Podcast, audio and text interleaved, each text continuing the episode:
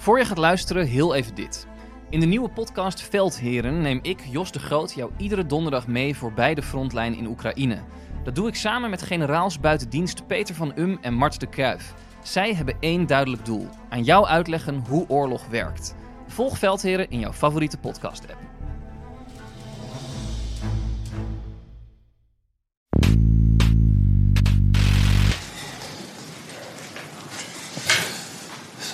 Zo. Daar zitten we dan. Daar zitten we dan. Ja, hè? ja, Echt, ja. eh, Wie had dat, wie had dat, wie had dat verwacht, Ja, echt. ja, ja, ja.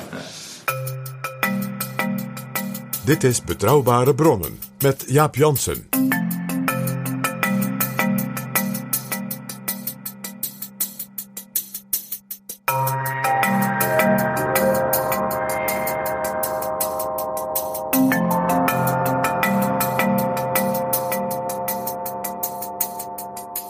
Hallo, welkom in Betrouwbare Bronnen, aflevering 386. En welkom ook PG. Dag Jaap.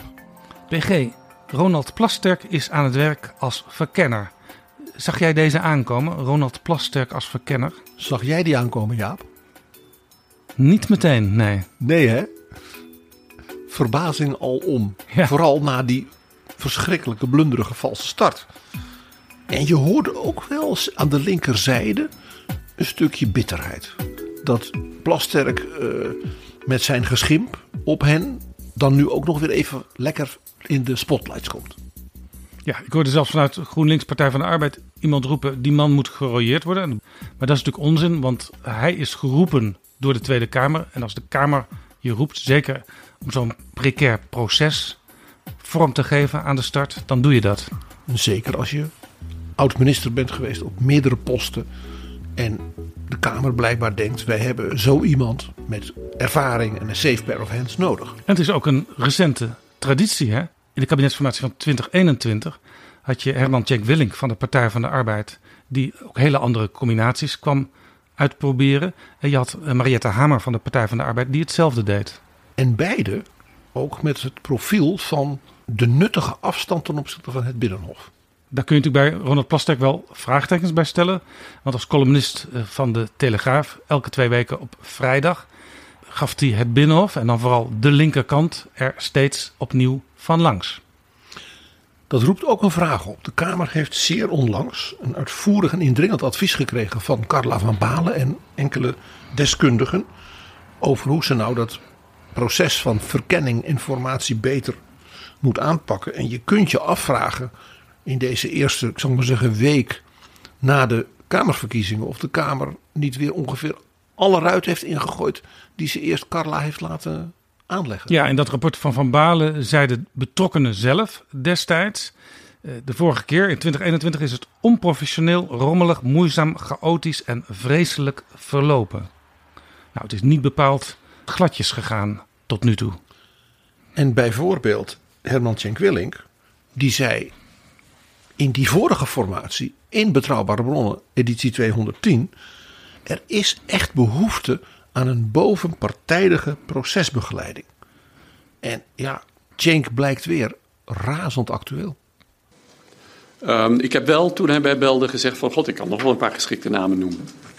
En die, die zijn we ook even afgegaan. Dus u wilde in eerste instantie niet?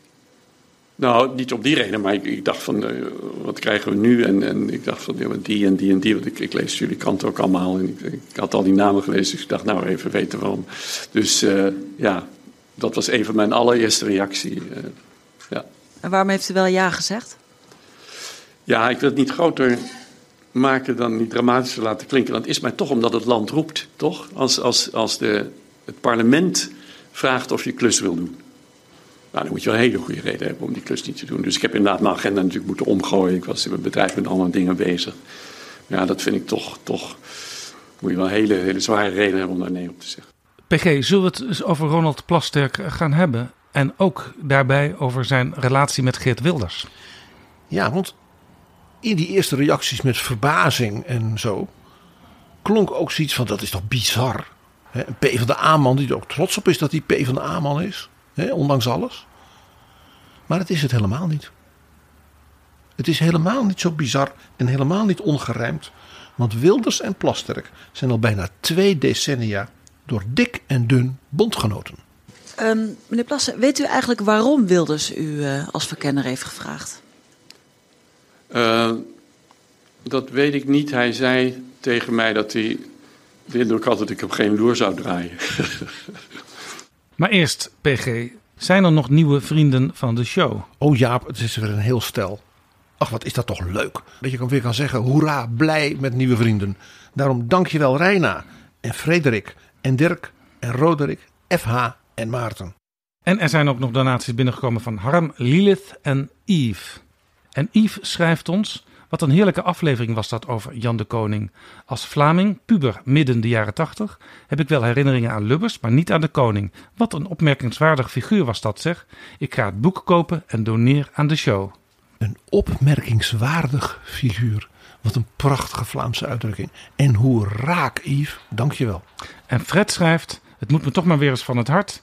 Ik heb genoten van het eerste woord tot en met het laatste van de podcast over Jan de Koning. Precaire menselijkheid bij het voorlezen van intieme persoonlijke brieven. Dankjewel Fred. Wil jij ons ook helpen met een donatie? Ga dan naar vriendvandeshow.nl slash bb.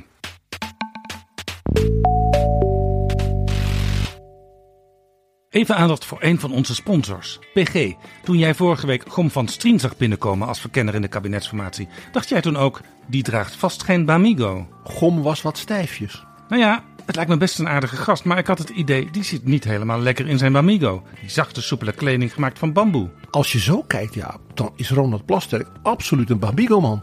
Want die kwam zo fris en zwierig en ontspannen bij Vera Bergkamp binnen. Ik zal het hem eens vragen, hij woont bij mij in de buurt.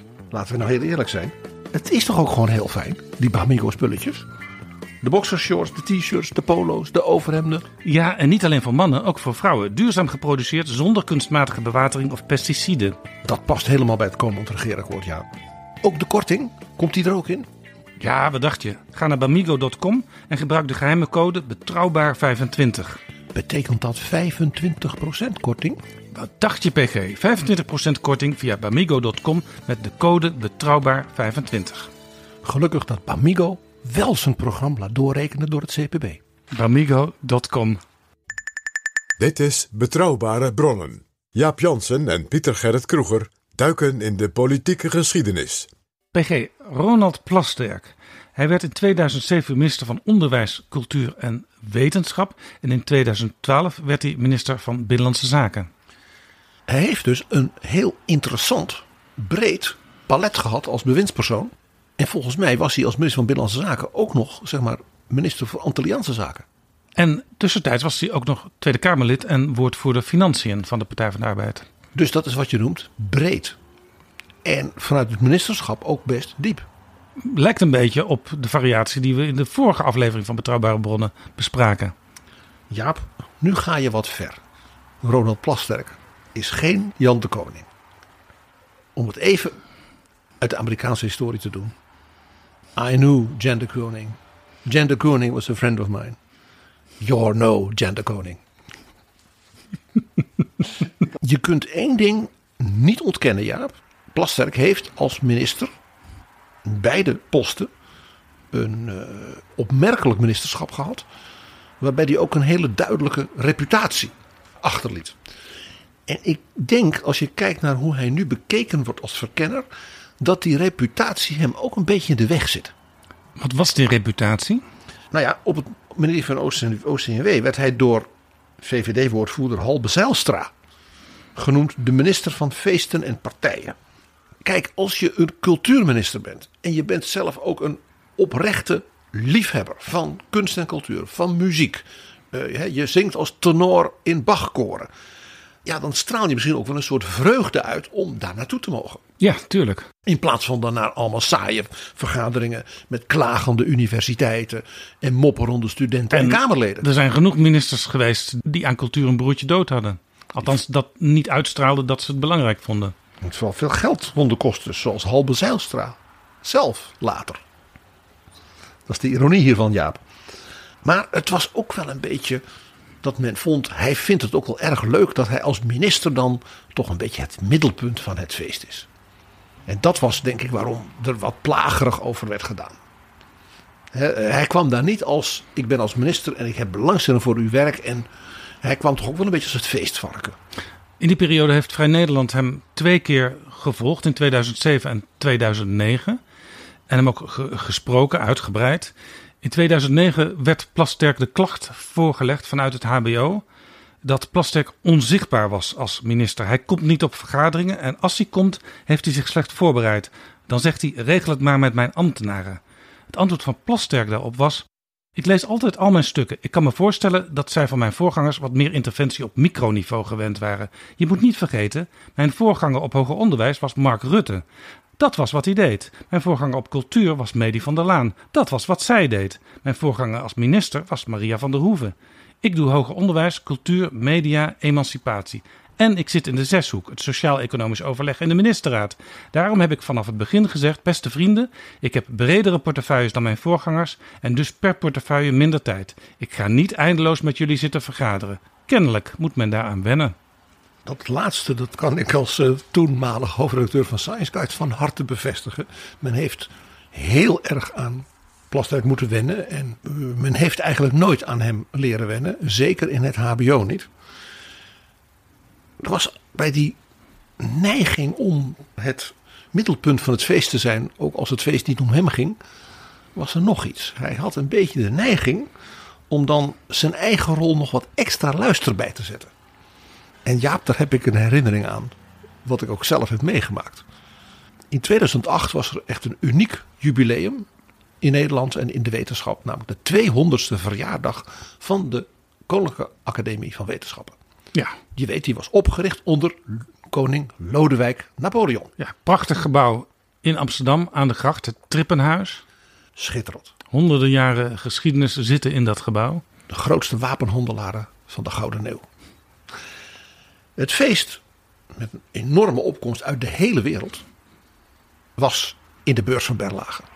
En ik zeg uit de hele wereld, men had de jaarvergadering van alle academische wetenschappen op aarde, die eens in de zoveel jaar was, gedaan in het kader van dat jubileum. Dus Bruce Alberts was de voorzitter van de Amerikaanse Academie, de Chinese Academie, India, ze waren er allemaal En Ronald Plasterk. als minister. En als eregast was daar koningin Beatrix. En er was een jubileumcomité onder leiding van Alexander Renoy-Kan. Dus op de voorste rij zit de majesteit, Renoy-Kan... en natuurlijk de vertrekkende president, Frits van Oostrom... van dat prachtige boek, De Reinaard... en Robert Dijkgraaf, zijn opvolger, de huidige minister.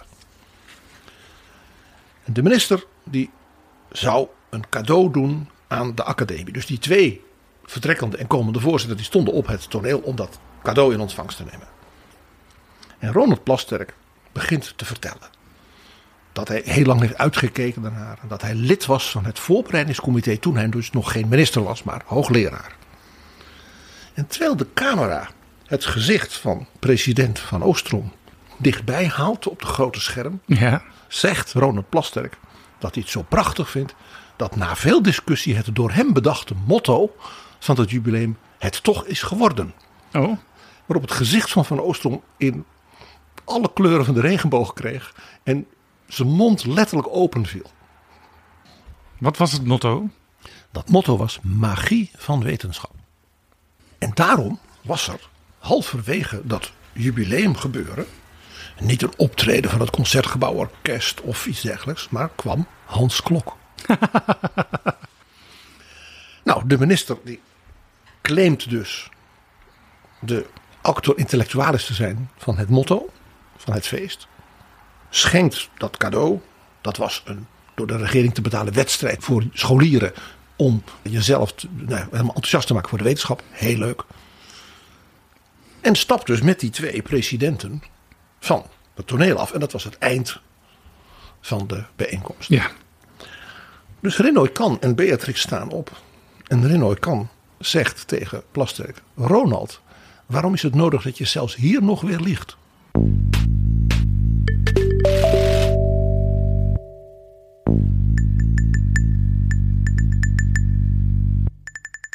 PG, Plasterk die was wat van plan toen hij minister van Onderwijs, Cultuur en Wetenschap werd. Hij wilde internationalisering van het universitair onderwijs bevorderen.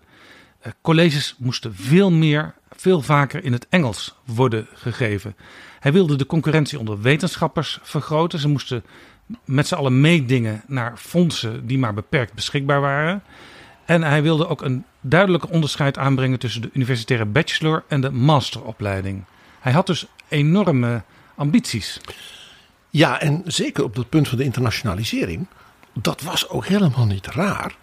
Vergeet niet, dit kabinet had ook weer, eh, van Balken en de Vier was dat, het innovatieplatform.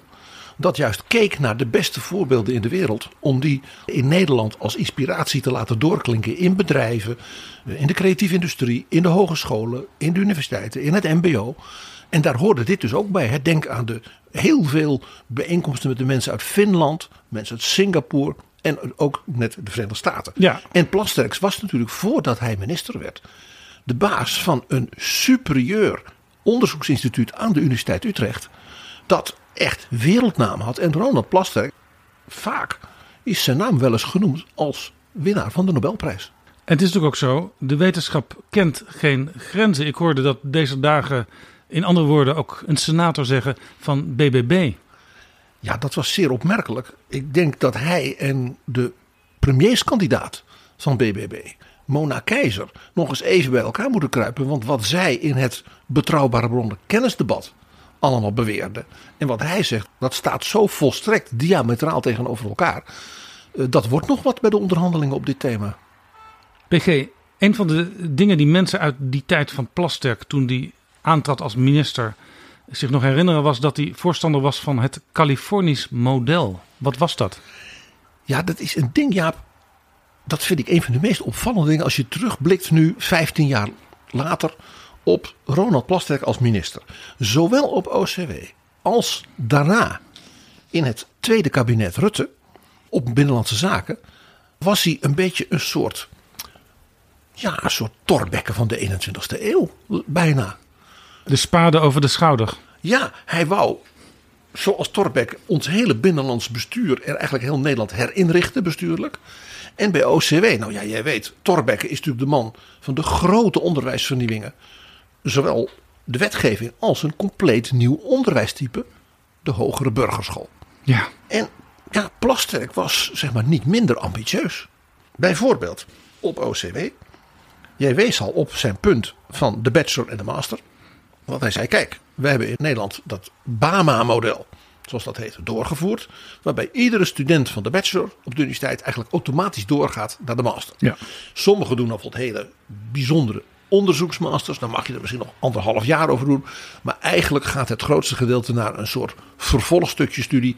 Soms zelfs met al wat praktijkdingen. Dat doet erg al aan het HBO denken. ja, bijna een automatisme was dat. En Plasterk wilde een duidelijker onderscheid tussen die Zo- twee fases. Zoals in Amerika.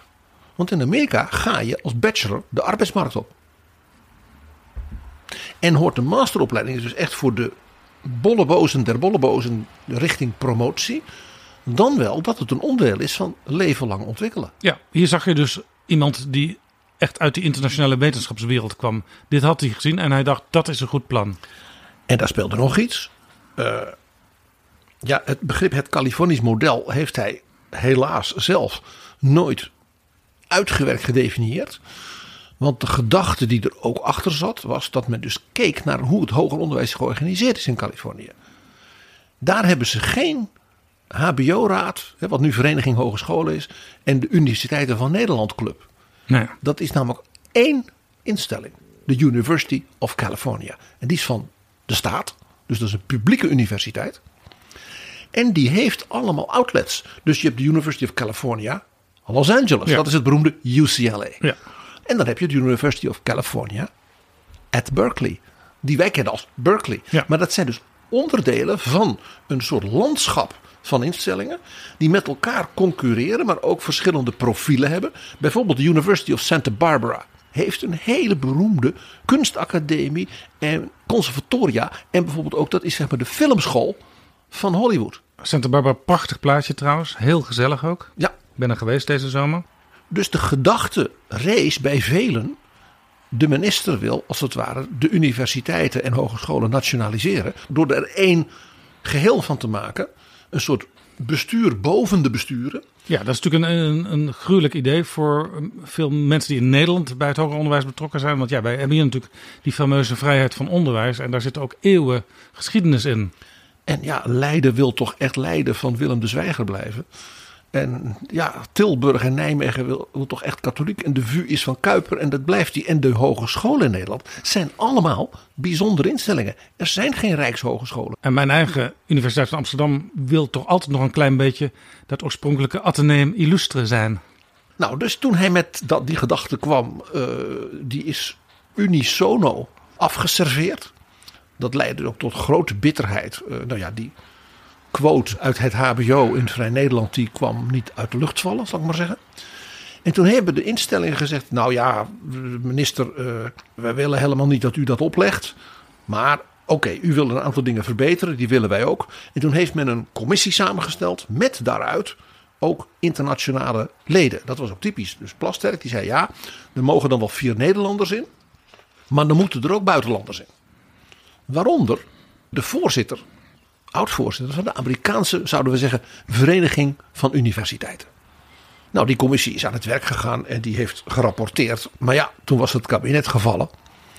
En uh, de opvolger van Plasterk op dit terrein, Halbe Zijlstra, die uh, heeft vooral het bezuinigingsdeel vervolgens uitgevoerd. Ja, er was ook nog een commissie die de kunstopleidingen moest onderzoeken en daar advies over moest uitbrengen. Ja, want die kunstopleidingen in Nederland zijn nu heel bijzonder dat is ook het enige deel van ons hoger onderwijs dat een hele strenge selectie kent aan de poort op talent.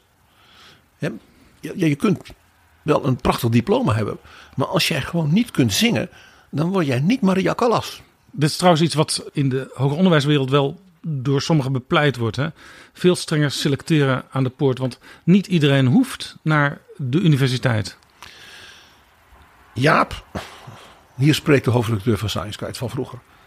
Dit horen we al decennia. Geen universiteit heeft het ooit gedaan. Er is geen universiteit die naar een conservatorium gegaan heeft gezegd: hoe organiseren jullie dat eigenlijk?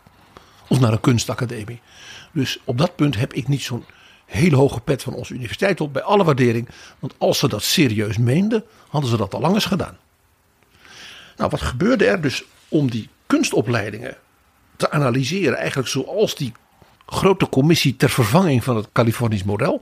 Heeft men een commissie benoemd als soort extra verdiepende commissie ten opzichte van die algemene. Vanwege de bijzondere aard van die opleidingen. En ook omdat men daar ook zei, ja, zo'n Californisch model idee. Moeten we dan één conservatorium in Nederland hebben met verschillende outlets? Nou ja, sommige mensen waren daar zelfs in die kunstopleidingen wereld voor. Dus die commissie die moest heel gevoelig uh, aan de slag. Nou, die werd gevuld met echt topmensen uit de creatieve industrie en de kunstwereld. Ook onderwijsdeskundigen.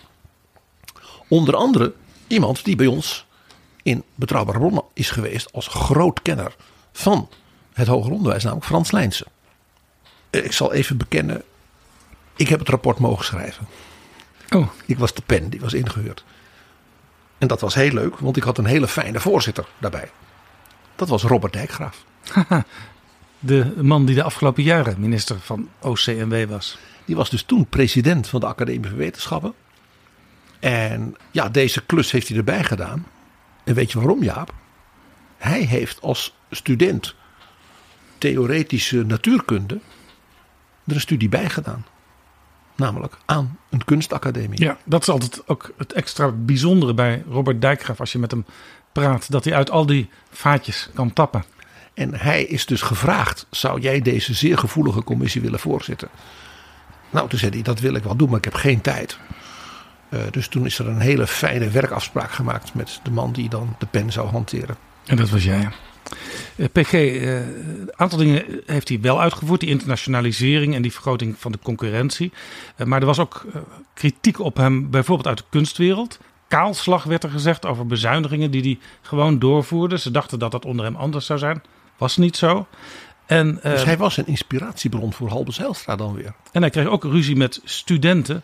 Want hij stelde al voor om de basisbeurs af te schaffen en te vervangen door een lening. Dat gebeurde toen uiteindelijk niet, later wel. Maar hij was een van de eerste die met dat idee kwam. En dat had hij van zijn partijleider, Wouter Bos. Die was daar al eerder voor. En Plasterk had als minister van Onderwijs verschrikkelijk veel geld nodig. Dus die afschaffing van de basisbeurs was bij hem niet bedoeld als een soort investeringsstap. Waarbij zegt dat geld wat van vrijkomt, dat gaan we aan de universiteiten geven. Nee, hij wilde daar de lerarensalarissen mee verhogen met die opbrengst. Ja, want hij had dus de vakbonden en zo eh, hele grote beloften gedaan. Naar aanleiding van een rapport van de al eerder genoemde Alexander Renoy-Kan. En toen het puntje bepaaltje kwam, moest hij dus erkennen dat hij financieel dat op geen enkele manier had voorbereid of gedekt.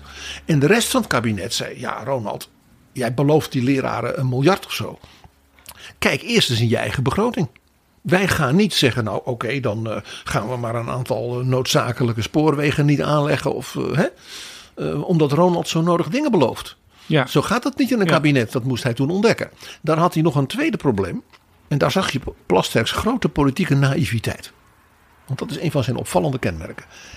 Hij dacht dat zijn partijleider en vicepremier op financiën, Wouter Bos, met wie hij samen dus in die sociaal-economische zeshoek zat, hem natuurlijk zou knuffelen en geld zou geven. En hij begreep dus niet dat de minister van Financiën, als die de partijvriend is van een minister van een groot spending department, dat hij juist extra streng is. Ja. Waarom? Want dan laat hij de rest van het kabinet zien: ik ben op dat punt onpartijdig. Ik ga mijn politieke vriendje niet extra helpen, terwijl ik streng ben naar jou. Precies. Want dit Onno Ruding wordt ook altijd met Wim Deetman Ja. als spanningsrelatie. Zoals je op, als scheidsrechter op zaterdagmiddag ook niet de mensen van je eigen club gaat voortrekken bij het beoordelen van is dat fout of is dat niet fout. Wouter Bos kon geen thuisfluiter zijn. Eh, Desalniettemin, eh, PG, eh, de Algemene Onderwijsbond, die deed onderzoek van wat vinden onze leden van deze minister. En hij bleek de populairste onderwijsminister. Hij kreeg van de leden een 5,8. Dat is toch mooi. Want ja, die salarisverhoging kwam er uiteindelijk wel. Doordat Wouter Bos, ja, ook- toch weer als minister van Financiën, ook wel een beetje als PvdA-leider, wel merkte dat als Ronald Plasterk hier zo de mist in ging, dat dat natuurlijk heel negatief zou uitwerken, ook op de reputatie van Wouter Bos. Dus toen is het van, nou ja, gerommeld met allerlei fondsen, zouden we nu zeggen. En de studenten, die werden verrast met een collegegeldverhoging. Maar die werd uitgesmeerd over tien jaar. Dus elk jaar er een beetje bij. Hè, zal ik maar zeggen. Waardoor dus die salarisverhoging elk jaar hè, er een stukje van de studenten bij kreeg. Degene die namens de studenten het protest hiertegen moest leiden en organiseren. Is ook iemand waarvan jij zegt. hey, PG, die naam kennen wij. Lisa Westerveld. Dat is nu een van de eh, leidende figuren in de fractie van GroenLinks Partij van de Arbeid in de nieuwe Tweede Kamer. Een van de onderwijsspecialisten. En die heeft het vak, ook het vak van het bestrijden van een minister. Dus daar en toen geleerd. Daarna kwam Plasterk niet terug in het kabinet, want er kwam een gedoogconstructie met Geert Wilders van de PVV, het eerste kabinet Rutte. Daar was hij vast helemaal niet blij mee. Plasterk zat in de Tweede Kamer. Hij was woordvoerder Financiën. En hij zag daar de hele tijd dat zijn buurman in de gang daar in de Tweede Kamer, Frans Timmermans, ja, eigenlijk in een lege kamer niets zat te doen. Op 27 december 2016 blikte hij op die periode terug. En hij zei: Timmermans zei: Ik wil de buitenlandportefeuille. Maar daar zat al iemand op. Bovendien is het een beetje not done. Je komt uit een kabinet, je kent iedereen op het departement. Maar Timmermans heeft net zo lang zijn adem ingehouden. totdat hij dat woordvoerderschap had. Hij zei: Nou, dan doe ik gewoon niks. Echt. Die heeft een half jaar niks gedaan. Overigens heeft Plasterk later daar excuses voor aangeboden. voor wat hij daar in de krant zei aan Timmermans. Bood hij die excuses aan omdat het niet waar was? Of omdat hij niet aardig was? Dat vertelt het verhaal niet, PG. Dit is wel interessant. Waarom kon Plasterk dit zo precies observeren? In dat kamertje van Timmermans. Timmermans zat namelijk in een soort bezemhokkamertje naast de kamer van de fractieleider, Ja, Job Cohen. ja. En wie had tegenover die kamer van Job Cohen ook zo'n bezemkastkamertje? dat was Plasterk. Want Plasterk die had daarbij zijn tafel zo geplaatst dat hij altijd kon zien wie er bij Job Cohen in en uit gingen. De argwaan bij de kamers rondom Job Cohen was dus te snijden. Speelde misschien ook mee, PG, dat Plasterk dacht: wie weet word ik nog wel eens de leider van deze prachtige sociaal-democratische beweging. Hij heeft twee keer meegedaan aan de race om het Partij van de Arbeid leiderschap. In 2012, toen Job Cohen plotseling vertrokken was, toen legde hij het uiteindelijk af tegen Diederik Samsom. Die kreeg 54% van de stemmen, Plastek 31,6%. 1 op de drie sociaaldemocraten zag iets in Ronald Plasterk. Dat heeft toch in de huidige tijd een lichte ironie, Jaap. Nou was hij woordvoerder financiën Ja. van de PvdA. En dat deed hij op zijn plasterks. Met het nodige panache. En eh, ook wel een beetje zoals dat bij de KNW. Dat hij wel eens een beetje overdreef. Hij was in ieder geval aanwezig in de debatten. Zeer. Maar ja, hij won dus niet het leiderschap. En dacht toen, ik had het er al eerder over, hij is politiek nogal naïef. Dat hij dan een soort troostprijs, annex beloning voor zijn loyaliteit naar een nieuwe leider, Diederik Samson zou krijgen. Dat zou je kunnen denken, eh, PG. Maar toen eh, goed en wel eh, het kabinet Rutte 2 op het bordes stond, stond daar niet als minister van Financiën Ronald Plasterk. Dat was geworden Jeroen Dijsselbloem. En Jeroen Dijsselbloem die maakte deel uit van het groepje Rode Ingenieurs, zoals dat in PvdA-kring genoemd werd. Eh, Slimme jonge mannen. Daar zat, eh, zat zelf eh, ook bij. En die had natuurlijk een band. Misschien niet altijd zichtbaar, maar informeel wel heel belangrijk. En hij vertrouwde Dijsselbloem volledig. Hij dacht, ja, als ik in de Kamer blijf zitten en Dijsselbloem gaat het kabinet in als minister van Financiën, dan speelt hij daar een sleutelrol en dan kan hij ook aan mij rapporteren. En dan hebben we regelmatig overleg. Die post werd dus niet aan Plasterk gegeven. En Plasterk werd ook geen vicepremier onder Rutte. Want dat werd Lodewijk Asscher. Ja, Op een voor de PvdA naast financiën natuurlijk minstens zo zware profilerende post. Sociale zaken en werkgelegenheid. Het oude ministerie van Joop den Uyl. precies. Voor Plasterk bleef er eigenlijk wat, als ik heel onaardig zeg ja, wrakstukken over. Want er was een ministerie dat werd opgesplitst. Waarvan het grote zeg maar, investeringsdeel, de volkshuisvesting, werd gegeven aan Stef Blok van de VVD. En het restant was dan binnenlandse zaken. Maar daar was de politie weggehaald en dat ging naar de VVD-minister Opstelten van Justitie. En dus bleef het bestuursdepartement van Binnenlandse Zaken bleef over. Ja, en wat eh, ging Plasterk doen? En de Antillen natuurlijk. Net als op onderwijs wilde hij een grote structuurhervorming. Jaap, dit is dus de Torbeckiaanse ambitie van Plasterk. In het onderwijs wou hij een geheel nieuw soort hoger onderwijs ontwikkelen. Zoals Torbekke met zijn wetten en de invoering van de HBS heeft gedaan. En op Binnenlandse Zaken weer Torbekke 2. Wat was zijn gedachte? Nederland moest verdeeld worden in vijf landsdelen. En in die eerste kabinetsperiode wilde hij alvast de Noordvleugelprovincie creëren. Dat betekende een fusie van de provincies Noord-Holland, Flevoland en Utrecht. Want dan kon iedereen zien, zo gaat dat. En als dat werkt, dan wordt iedereen enthousiast. Wij willen ook in zo'n hele grote provincie, in een van die vijf landsdelen. Dus Ronald Plasterk ging Urk een gemeente maken van Amsterdam. Ja, zou je kunnen zeggen. Dat eh, werd niks hè. Nee, eh, er is heel veel over gebakkeleid. Er was ook nog een idee van Plasterk dat eh, gemeentes moesten worden samengevoegd omdat de meeste gemeentes in Nederland te klein waren om zelfstandig te kunnen functioneren. En ook dat plan is in de prullenbak terechtgekomen. PG, we gaan even pauzeren. En dat doen we met Herzliebster Jezu uit de Matthäus Passion.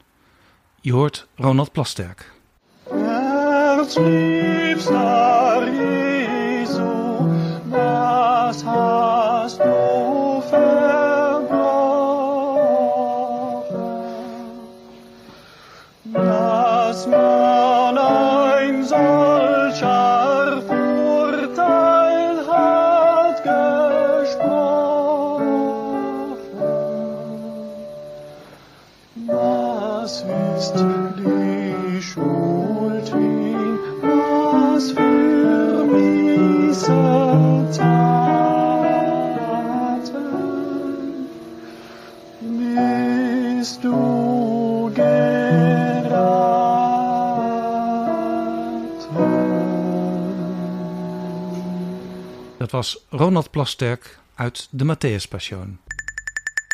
HPG, weet je nog van onze sponsor Van de Bron? Ja, dat is toch die energieleverancier van 100% duurzame groene stroom, 100% van de tijd. Ik hoef jou dus eigenlijk niks meer te vertellen, PG. Nou ja, je weet, ik ben een echte alfa hoor. De vorige keer had jij het over een dynamisch contract. Dat is dus iets anders dan een nieuw sociaal contract. Iets heel anders, PG. Een dynamisch contract laat je optimaal profiteren van de schommelende prijs. Bijvoorbeeld je was draaien als de stroomprijs het laagst is. Maar hoe weet je dat dan? Dat vertelt Van der Bron je elke dag opnieuw over de volgende dag. Dus je weet precies wanneer er zoveel stroom is dat je makkelijk de dingen kan doen die veel energie kosten. Dus met Van der Bron kijk je in feite voortdurend naar de toekomst van de energietransitie. Ja, zo kun je het zeggen. Je kunt trouwens ook gewoon een vast contract nemen hoor. Als je denkt, ik vertrouw er sowieso op dat Van der Bron de juiste dingen doet. Want zoals jij zelf al zei in het begin, Van der Bron wil 100% duurzame groene stroom 100% van de tijd beschikbaar maken. En dat zit dus op vandebron.nl, hè? Ja, van debron.nl. Het wijst zich vanzelf. Dit is Betrouwbare Bronnen, een podcast met betrouwbare bronnen. Zowel op binnenlandse zaken als op onderwijs had men natuurlijk ook wel een beetje een idee van hoe Plasterk over hen dacht. Die ambtenaren en de mensen daar. Want Plasterk had natuurlijk als columnist in Buitenhof en Volkskrant natuurlijk over alles wel een mening geventileerd. Ja, Ook over mensen die op departementen en in de Haagse politiek werken. ja dat was eh, eigenlijk vergelijkbaar met nu. En nu heeft eh, hij natuurlijk een aantal jaren in de Telegraaf columns geschreven. Dus we weten precies hoe hij over de actuele politiek denkt. Dat was toen ook zo. Want hij had al jaren columns. Men wist hoe Plasterk over de dingen dacht. Ik lees voor. Beleidsmakers en Haagse politici zijn negatief over wetenschappers. Omdat ze studeerden in de tijd van het universitaire marxisme. Terwijl ze bovendien vaak een vak studeerden in de sector waar de gekte het grootst was. Sociologie, filosofie, dat zijn geen serieuze disciplines, dat zijn paravakken. Die in de linkse hoogtijdagen de universiteiten omvormden tot een soort Joegoslavisch arbeiders zelfbestuur. waarin de koffiejuffrouw mocht meebeslissen wie de professor werd. Toen hij minister van Onderwijs werd, heeft het vakblad van die sector, Science Guide, binnen een uur een soort capita selecta bloemlezing van de enormiteiten van de Ronald Plasterk in zijn columns over de Haagse politiek, het onderwijsbeleid, het ministerie. Eh, hij vertelde bijvoorbeeld dat PvdA-minister Jo Ritsen eh, een ramp was geweest en dat Annette Nijs van de VVD het nou juist zo goed zag. Die moest aftreden kort daarna.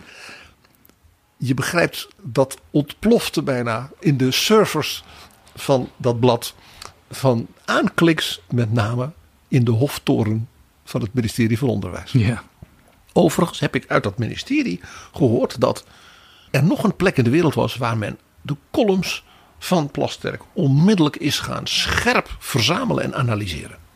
Of zoals een hoogambtenaar zei, die alles wist van Europa en daar ook in werkte, zei: De mensen in Brussel, bij een contacten daar, kenden de columns van Ronald Plasterk nog veel beter dan wij. Dus dat werkt daar zo. Er komt een nieuwe minister. Zoek precies uit wat je over die man weet en rapporteer mij daarover, zegt dan een van de chefs daar in een van die torens van de Europese Commissie. Zeker omdat men wist dat Ronald Plasterk een bepaalde reputatie had. En die was niet bepaald Brussel vriendelijk. Nee, want we hadden natuurlijk in Nederland de Europese grondwetcampagne gehad voor een referendum. En de Nederlanders, althans de Nederlanders die meededen, die zeiden massaal nee in dat referendum. En een van de campagnevoerders daarbij, voor dat nee, was Ronald Plasterk vanuit zijn columns in de Volkskrant. Terwijl de partij waar hij zo enthousiast lid van was, de Partij van de Arbeid, tegen de kiezer zei: Dit is heel belangrijk, deze stap moeten we gaan zetten. Hè, een vervolg op het verdrag van Amsterdam van onze Wim Kok. Ja, en dat vonden ze zo belangrijk bij de Partij van de Arbeid. Dat toen ik naar Wouter Bos liep voor het Algemeen Dagblad om eens even te noteren. Maar wat gaat u doen mocht het onverhoopt toch nee worden, de uitslag? Toen zei Wouter Bos tegen mij, dat schreef ik natuurlijk op in de krant. dan organiseren we na een tijdje gewoon een nieuw referendum. Zoals men in Denemarken en in Ierland wel eens deed. Dat was natuurlijk niet slim. Want daarmee geef je aan dat je al met een plan B bezig bent voor het geval dat. Precies, en de mensen moesten nog stemmen toen. Dus misschien heeft ook dat wel meegeholpen dat nee te bewerkstelligen. Maar Ronald Plasterk die wierp dus steeds allerlei vragen op bij die Europese grondwet. En een van zijn columns vlak voor de stemming, die begint hij met: Ja, ik heb lopen twijfelen over die grondwet. Ik had redenen om ja te zeggen, ik had redenen om nee te zeggen. Maar ja, die redenen om ja te zeggen, die waren eigenlijk vooral emotioneel, schreef Plasterk. En ja, dat vind je natuurlijk als beta niks. Dat je bij Europa positieve gevoelens zou hebben. Hij schreef: Het heeft iets zieligs om tegen te zijn. Mag je een keer stemmen, stem je nee, kinderachtig. Bovendien wil je in hetzelfde kamp zitten als Geert Wilders. En wil je verstandige mensen als Frans Timmermans, wier vak het tenslotte is, voor de voeten lopen. Dus ja, dat Dat- soort redenen, dat, die verwierp hij uiteindelijk voor zichzelf. Frans Timmermans was dan wel heel verstandig. Maar Geert Wilders had gelijk. Daarover schreef hij. Want er werd ook gezegd: ja, maar Ronald, dan, dan loop je gelijk op met Geert Wilders. Dat wil je toch niet? En met nog een grote vijand. De protestante, gelovige, reformatorische partijen. Want die waren ook toen tegen. Ja, geleid door André Rauwvoet in die tijd. Daarover schreef hij in zijn column. Wat dat zij aan zij met Wilders argument betreft, de grootste fout die de goede gemeente de afgelopen twintig jaar heeft gemaakt, is dingen niet te zeggen of niet te willen vinden, omdat iemand anders dat ook vond. Jan Maat bijvoorbeeld. Dat niveau van argumenteren moeten we ver achter ons gelaten hebben. Dus misschien dat Wilders of Marijnissen of Rauwvoet soms argumenten gebruiken of woorden kiezen die de mijne niet zijn. Het zij zo. Ronald Plasterk was dus hier een directe politieke bondgenoot van Geert Wilders. Wat hij ook openlijk erkende. Op een van de meest cruciale, zeg maar, strategische beslissingen over de toekomst van ons land.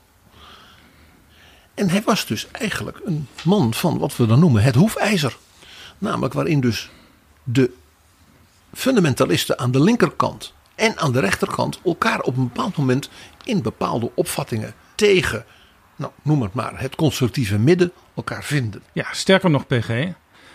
Toen Wilders uit de VVD gestapt was, of eigenlijk ook ja, in- het beeld van velen gedwongen was om eh, te vertrekken. Want eh Josias van Aartsen was toen de fractieleider en Gerrit Salm de vicepremier. En dat was dus een jaar voor dat referendum.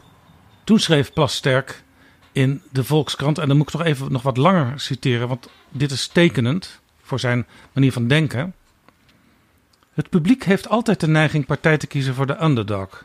Dat is tenminste een Kamerlid die zijn werk serieus doet, denkt men over iemand die herrie schopt. En dan zegt hij over Josias van Aartsen. Als je iemand laat lopen die een week later tien zetels in de peilingen scoort, dan sta je niet sterk. Even verder. Gerrit Salm en Josias van Aartsen, dat zijn echte Haagse ambtenaren. Ze hebben hun hele leven uit de staatsruif gegeten, nooit een echt vak gehad. De toetreding van Turkije, want dat was een van de redenen waarom Wilders zei: daarom kan ik in deze VVD niet meer leven.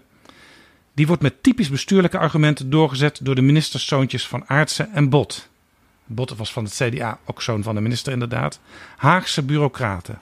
Mocht de VVD interesse hebben in electoraal herstel, dan moet er een leider komen van ver buiten de Haagse vierkante kilometer.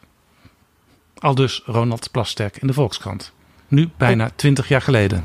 En ook interessant wat hij zegt over het soort Kamerlid. Aan het begin, Jaap.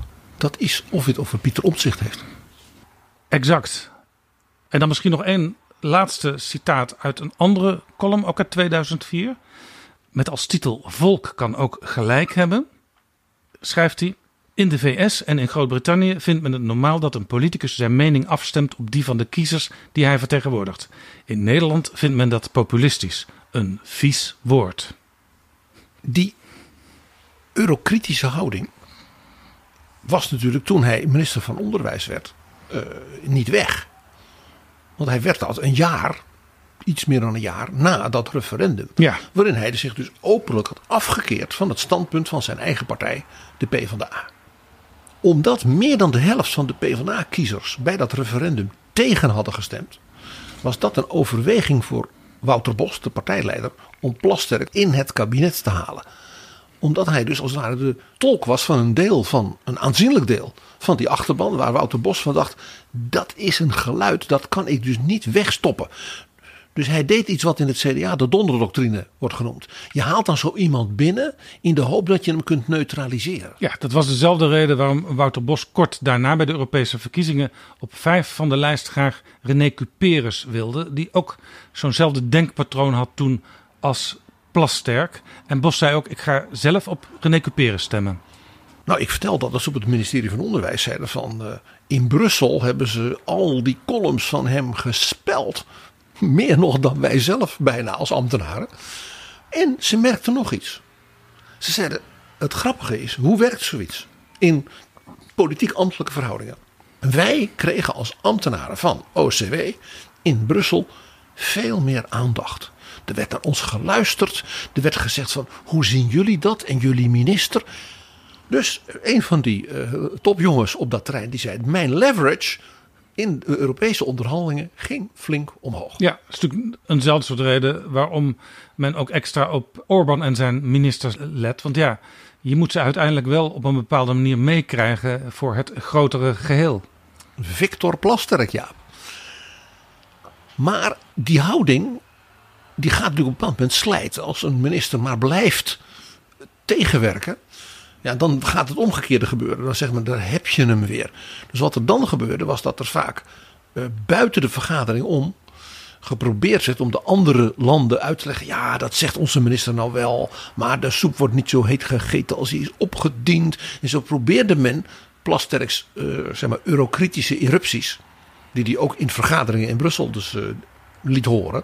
En nou ja, wat toe te dekken. Ja, Nou, in 2009 was er een bijzonder historisch moment in Europa. Namelijk Tsjechië was een paar jaar lid en was al zo goed ja, in, zeg maar, geïntegreerd in het gebeuren dat Tsjechië voorzitter mocht zijn na een half jaar. ja. Men was heel ambitieus. Hè. We gaan echt een paar dingen heel goed doen. Dus er werd op het ministerie van Onderwijs zelfs een speciale minister benoemd. Nou, die was begin 30. In Tsjechië? Ja, in Tsjechië, Jacob Dur.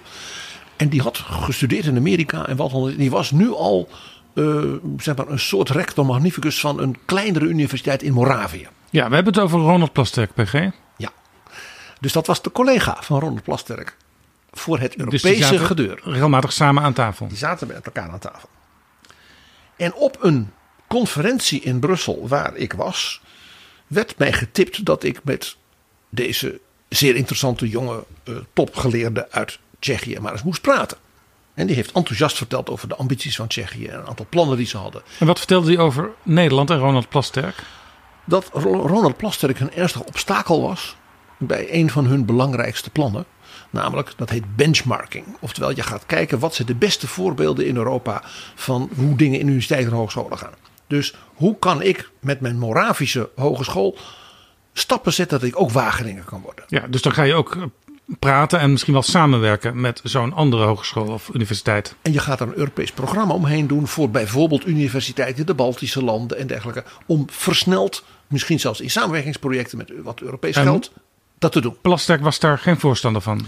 Nee, want die vond benchmarking sowieso verkeerd. Eh, want Nederlandse universiteiten zijn niet die van Zweden of van Spanje. Zit wat in. Zit wat in. Maar aan de andere kant is het natuurlijk ook onzin.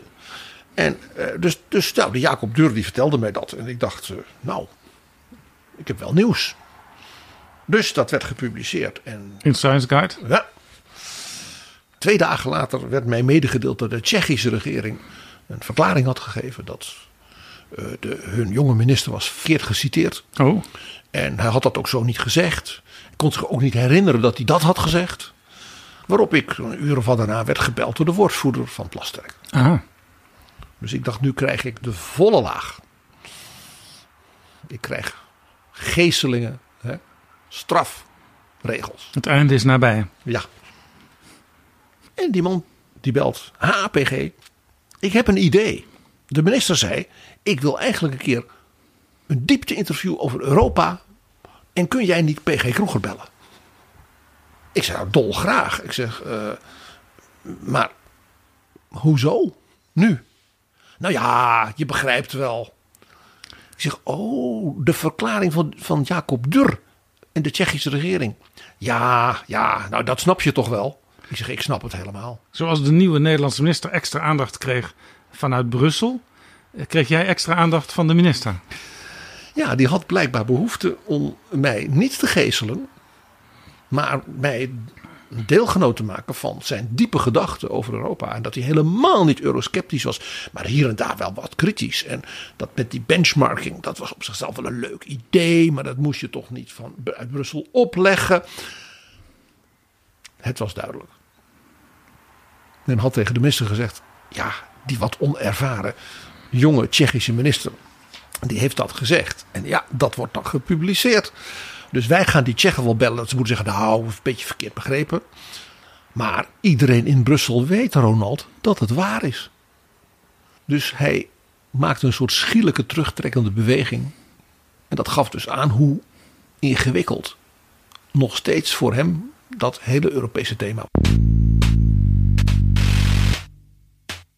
Zeg Jaap, we hebben een nieuwe sponsor.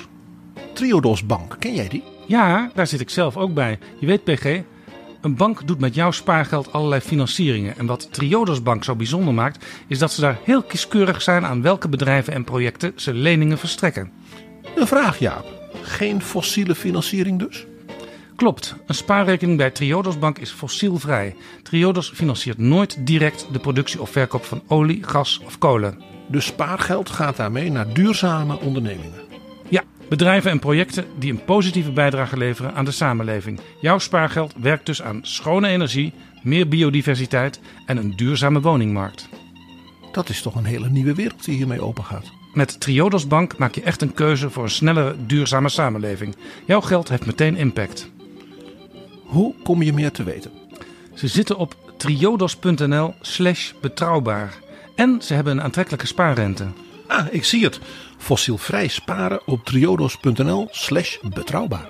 En hoe zit het met zo'n spaarrekening? Ik begrijp, terwijl ik nu kijk, dat dat gratis en eenvoudig is om te doen. Heel eenvoudig. Had ik dat nog niet verteld? Nee. Nou ja, je bent nu zelf al aan het kijken, PG. Op triodos.nl slash betrouwbaar. Dit is Betrouwbare Bronnen. Nog even over Plastic in Europa, eh, PG. Ik stipte net aan de Europese verkiezingen 2009. Die verliepen niet goed voor de Partij van de Arbeid. En Ronald Plasterk werd door Vrij Nederland geïnterviewd en gevolgd. Ze mochten mee in de dienstauto. Hij ging eh, die dag op pad naar Madurodam en Eindhoven. Plasterk zei... Eigenlijk had ik de zaterdag na de verkiezingen op de dijk in Volendam willen staan... waar bijna 50% van de mensen op Geert Wilders stemde. Hij had rode rozen willen uitdelen aan voorbijgangers en ze willen vragen: wat vindt u dat wij als Partij van de Arbeid anders moeten doen? Ronald bij Mona.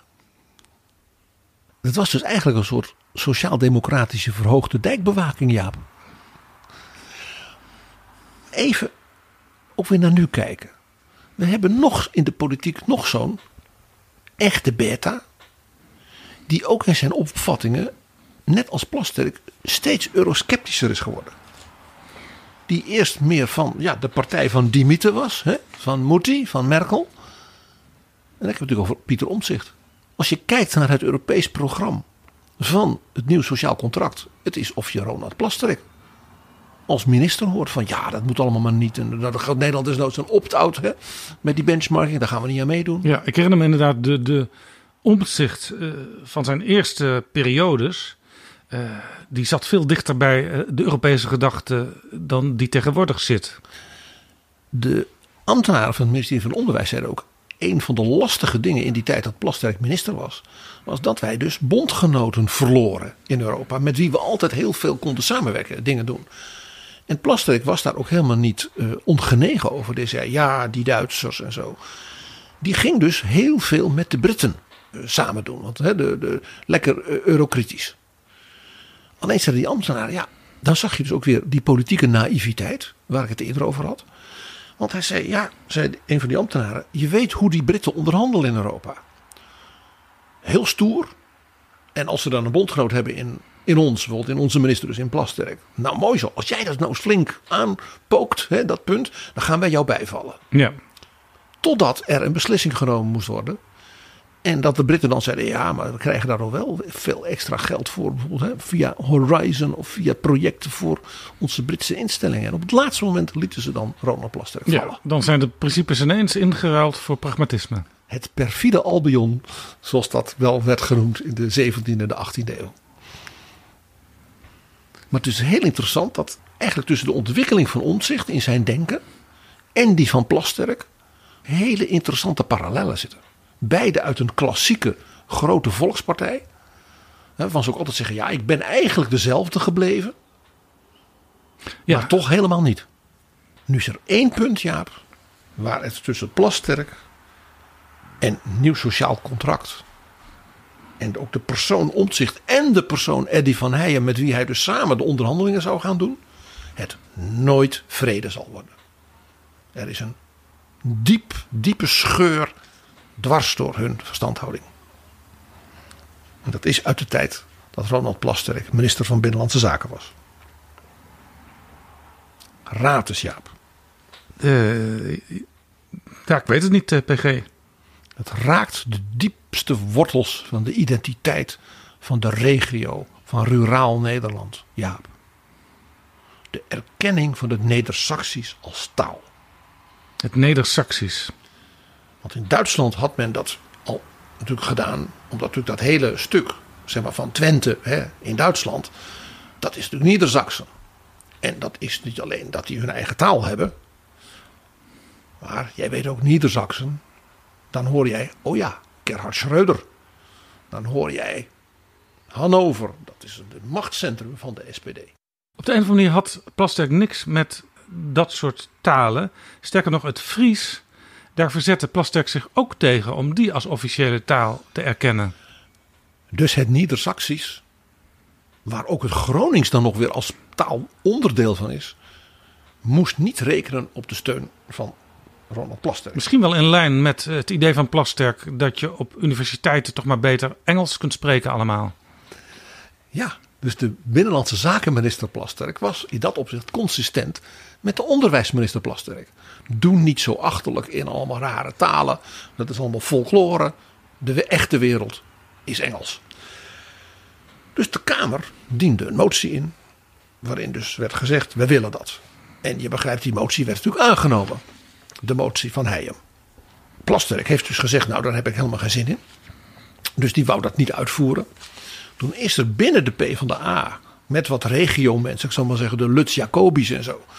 Eh, Die hebben gezegd, ja, pas als, als we nou die motie een beetje aanpassen. Misschien dat Plasterk dan dat als concessie hè, van die regionalisten accepteert. Dan is hij misschien wel bereid dat te doen. Nou, in de regio eh, pers en media van het oosten van het land. Daar voeterde Eddy van Heijem tegen die verschrikkelijke Plasterk. Die zelfs toen niet wou toegeven.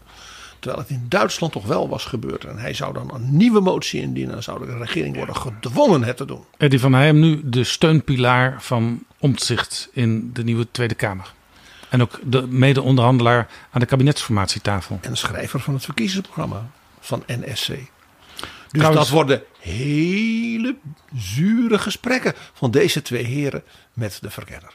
Trouwens, PG die Lutz Jacobi, die had aan de andere kant wel weer een overeenkomst met Plasterk die zich eigenlijk nu materialiseert. Want Plasterk die is groot tegenstander, net als Lutz Jacobi, van een mogelijke fusie tussen GroenLinks en Partij van de Arbeid. Eigenlijk vinden ze die samenwerking met die lijst en dat programma al helemaal niks. En bij Plasterk is dat wel opmerkelijk. Want jaren geleden was Plasterk juist een groot voorstander van samenwerking. Ja, niet jaren geleden, in 2019, heeft hij gezegd dat de Partij van de Arbeid geen toekomst meer had. Maar gelukkig had je die jonge, frisse mensen van GroenLinks. En hij vond dus dat ze één partij moesten worden. En Jesse Klaver moest de partijleider worden. Want hij was blijkbaar Frans Timmermans al vergeten. Die zat ver weg in Brussel. En hij was al niet zo dol op Brussel, Jaap. En op Timmermans. Hoi, ik ben Alexander Klupping. Ik weet dat jij, net als ik, met heel veel plezier luistert naar betrouwbare bronnen. Maar je zou Jaap en PG echt helpen als je nu vriend van de show wordt. Dat kan met een donatie, per maand of per jaar. En dan kunnen ze nog veel meer afleveringen maken en zeg nou zelf, dat wil jij ook. Dus ga nu naar vriendvandeshow.nl slash bb En doe het niet straks, maar nu. PG, jij had in een vorige aflevering al een soort van gesprek bedacht tussen Wilders en Omtzigt. Een inhoudelijk gesprek van eh, wat kunnen wij samen voor elkaar krijgen en hoe gaan we dat doen. Maar ja, uiteindelijk gaat het natuurlijk ook over de vraag wie moet er straks premier worden. Dat is natuurlijk bij de verkenning nog niet aan de orde. Nee, Die fout dat je over poppetjes gaat praten van mevrouw Jorritsma met name de vorige keer, zal men toch hopelijk niet gaan herhalen. en ze zijn amper begonnen. Omtzigt zal toch niet nu zelf over een functie elders voor Dylan Jesselgus bijvoorbeeld beginnen. Maar Jaap, met de uitslag van de verkiezing zoals die nu is, zal toch in een vroeg stadium gepraat moeten gaan worden over wie gaat er naar het torentje. Want je kunt nog zo vroom doen, nee, inhoud voorop. Maar de inhoud wordt toch in belangrijke mate mede bepaald door zeg maar, de strategische aanvoerder, het boegbeeld van het team. Zeker als dat bijvoorbeeld drie partijen met nog weer een gedoogpartij is. En vergeet ook niet de invloed die Nederland heeft in de Europese Unie. En ook via Europa op het wereldtoneel. Ja, die wordt ook grotelijks ingekleurd door de minister-president. Dat was zo onder Lubbers. Dat was zeker ook onder Kok. Balkenende met zijn warme band met de première dame van Frankrijk, Carla Bruni. En Mark Rutte natuurlijk de voorbije 13 jaar. Ook door zijn bijzondere langdurige band met bijvoorbeeld Angela Merkel. Dus de nieuwe premier zal ook weer zich zo gaan ontwikkelen. En dat is ook goed voor Nederland. Maar ja, wie wordt dat? Nou, de winnaar van de verkiezingen in zetels. Geert Wilders eh, laat er recent eh, weer, weer meer twijfel over bestaan.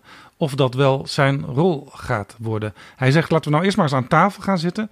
En wie dan wat gaat doen en in welke vorm, dat zien we later wel. En zijn grote politieke voorbeeld, zijn leermeester, is Frits Bolkestein. En hij is het enige lid van de PVV. Dus zou hij naar het torentje gaan, heeft hij geen greep meer op die fractie. Want dan wordt die fractie geleid door iemand die geen lid is van de PVV. Bovendien, als je naar die fractie kijkt, is er geen natuurlijke figuur die dat zou kunnen. Dus de kans dat Wilders premier wordt, is volgens mij veel kleiner dan zijn bewonderaars onder het volk denken. Ja, zo zei Jacques Wallage, oud-informateur, eh, belangrijk geweest in de Partij van de Arbeid. Hij heeft zicht op het Binnenhof. Straks valt zo'n fractie in 16 stukjes uiteen. Dat hoeven er geen 16 te zijn, Jaap. Twee is genoeg. Dan is er natuurlijk mevrouw van der Plas. Die wil zelf geen premier worden. Dat heeft ze heel duidelijk gemaakt.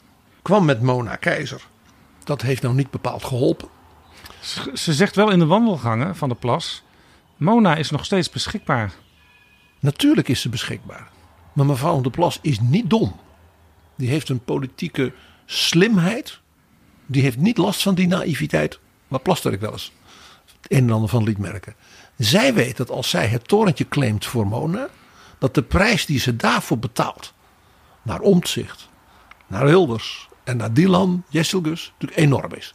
Dan krijgt ze niet ook landbouw. Nee, dus die prijs is te hoog. Bovendien, zij wil natuurlijk Mona Keizer niet in haar fractie houden. Dus die moet vicepremier worden op economische zaken. Ze wil haar niet erbij hebben omdat ze zelf wil shinen als voorvrouw. Want anders krijg je die fractiegedoe.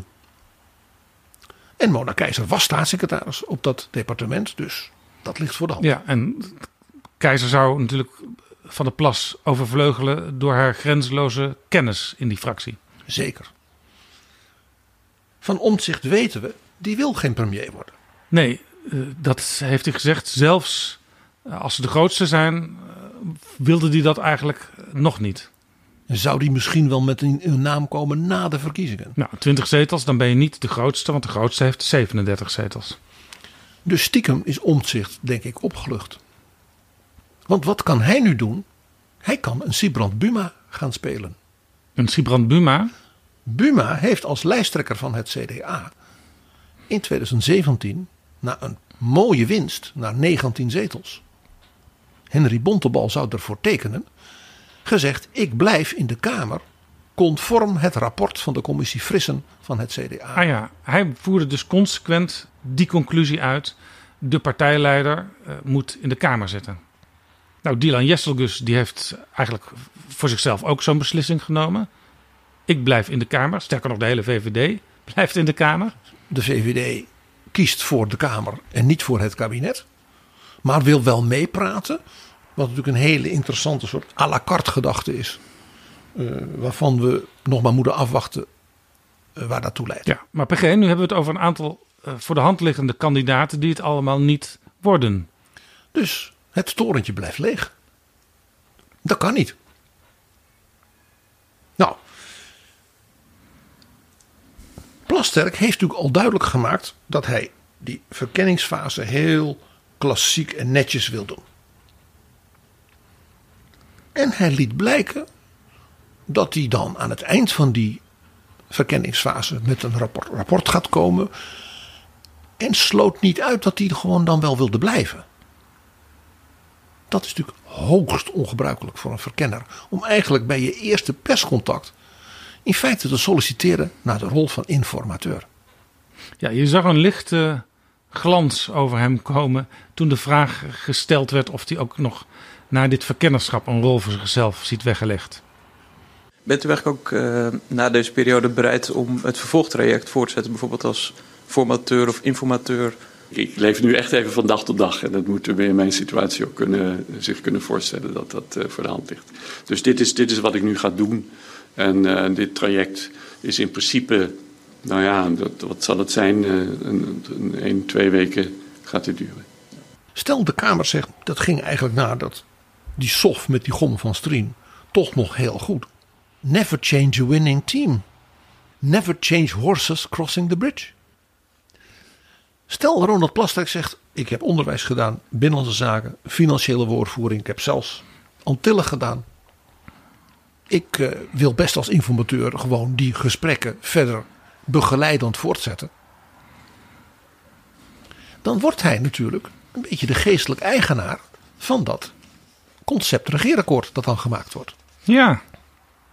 Nou, jij weet dat fracties, zeker als het een kabinet is met een ingewikkelde samenstel van partijen, er vaak nogal aan hechten dat mensen die mee onderhandelaars zijn geweest van zo'n akkoord, dat die daarna ook als daar een duidelijke rol blijven spelen. Zodat niet iedereen zegt, nou ja, ja, dat hadden we toen wel afgesproken, maar ja, daar was ik niet bij. Ja, ik herinner me bijvoorbeeld uit het verleden Ivo Opstelten, informateur, werd minister. Piet Hein Donner, informateur, werd minister. Want dan heeft een premier dus nog zo iemand bij zich. Nu is er dus een vacature in het torentje. En met dus die informateur, geestelijk eigenaar van de totstandkoming van dat akkoord, heb je dus ook nog een, een heer van 66 met een cv. Onderwijs, binnenlandse zaken, Antillen, financieel woordvoerderschap. Wat spreekt er eigenlijk tegen dat Ronald Plasterk ook de premier zou worden? Dus de formateur van dat kabinet, PVV, BBB en dan gedoogachtige constructies met nieuw sociaal contract en VVD. Ik leef nu echt even van dag tot dag. En dat moeten we in mijn situatie ook kunnen, zich kunnen voorstellen dat dat uh, voor de hand ligt. Ik moet even denken, PG, aan een uitspraak van een collega uit de wetenschap van Plastek uit 2007, toen hij minister werd. Ronald is altijd op zoek naar nieuwe uitdagingen. In alles wat hij doet, wil hij het hoogst haalbare bereiken. Nou ja, en in de politiek is, wat Omtzigt ook zegt, het premierschap het hoogst haalbare. Het is een beetje de Nobelprijs. Jaap die die helaas als wetenschapper nog niet had gekregen. En nog iets, Jaap. De eerste P van de A-premier na Den Uil en Kok. Het zou toch de ultieme vraag zijn op Timmermans. Op die vreselijke christelijke types waar hij altijd zo'n hekel aan had. Klimaatgekkies, wokies, waar hij over schrijft in de Telegraaf. Overigens, PG, eh, in de voorbereiding van ons gesprek over Plasterk heb ik natuurlijk de ultieme bron geraadpleegd, Wikipedia.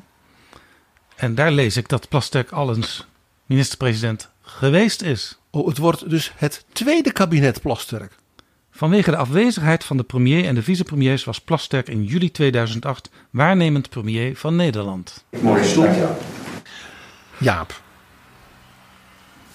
Dan is er natuurlijk maar één afronding mogelijk. Want Ronald Plasterk heeft vele bijzondere eigenschappen. En één daarvan is een eigenschap die ik in alle interviews die ik met hem deed in zijn tijd als minister altijd gebruikte. Onze interviews eindigden altijd met een gesprek over Johann Sebastian Bach. Ja, PG, we hoorden hem natuurlijk al eerder in deze aflevering Bach zingen, Plasterk zelf. Herzliebster Jezu, was hast du verbrochen? Uit de Matthäus Passion. Die hij uit zijn hoofd kent. Vandaar dat hij ook in de interview zei: Ik kan ook als minister gewoon meedoen met het koor.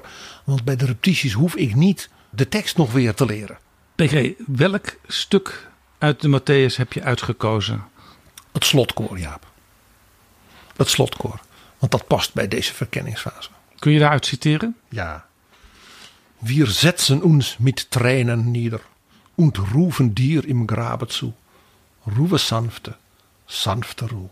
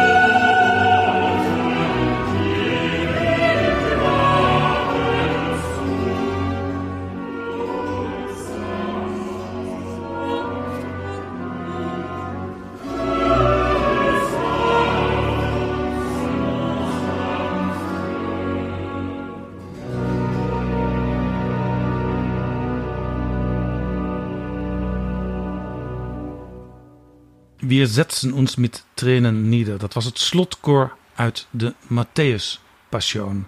Het favoriete werk van Ronald Plasterk.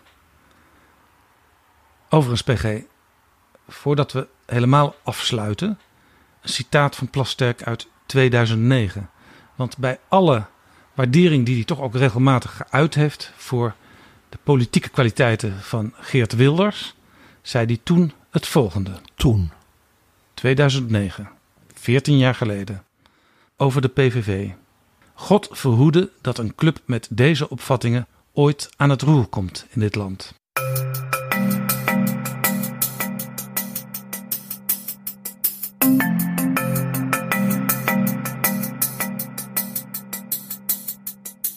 Zo, dit was Betrouwbare Bronnen aflevering 386. Deze aflevering is mede mogelijk gemaakt door de vrienden van de show en met dank ook aan Pelle van Omme. Wil jij ons helpen met een donatie? Ga dan naar vriendvandeshow.nl slash bb. Tot volgende keer. Hallo, ik ben Ronald Plasterk en ik luister niet elke week naar Jaap Jansen, maar soms wel. Betrouwbare bronnen wordt gemaakt door Jaap Jansen in samenwerking met dag en nacht.nl.